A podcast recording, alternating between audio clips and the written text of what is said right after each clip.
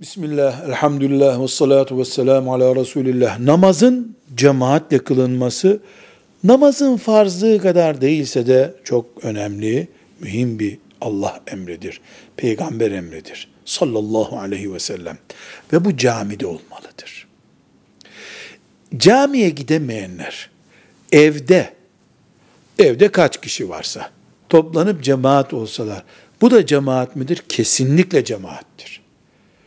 Eşler mesela eşi öne geçiyor, arkasına hanımı geçiyor, küçük çocuklar da yanına geçiyor, namaz kılıyorlar, cemaatle namaz kılıyorlar. Bunun adı da cemaattir. Peki camideki cemaatle evdeki cemaat sevap olarak, anlam olarak aynı mıdır?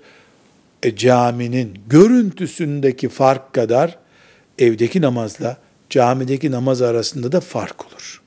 Şu kadar ki camide kılınacak namaz başka bir fitne taşıyorsa, mesela imanından şüphe edilden bir imam maazallah namaz kıldırıyor gibi bir tehlike varsa, can güvenliği gibi bir nedenle camiye gidilemiyorsa, yani Allahu Teala'nın kabul buyuracağı bir özür, mazeret var. Sağlık mazereti var, işte kanaması var, idrarı durmuyor, camide kirletmeyeyim diye gitmiyor. Meşru, makul bir gerekçeyle camiye gidemeyen, evde cemaatle namaz kılarsa o camideki cemaat gibidir. Ama cami ile evin farkı şüphesiz böyle bir özür olmadığı zamanlarda çok büyük bir farktır. O fark kapatılamaz. Velhamdülillahi Rabbil Alemin.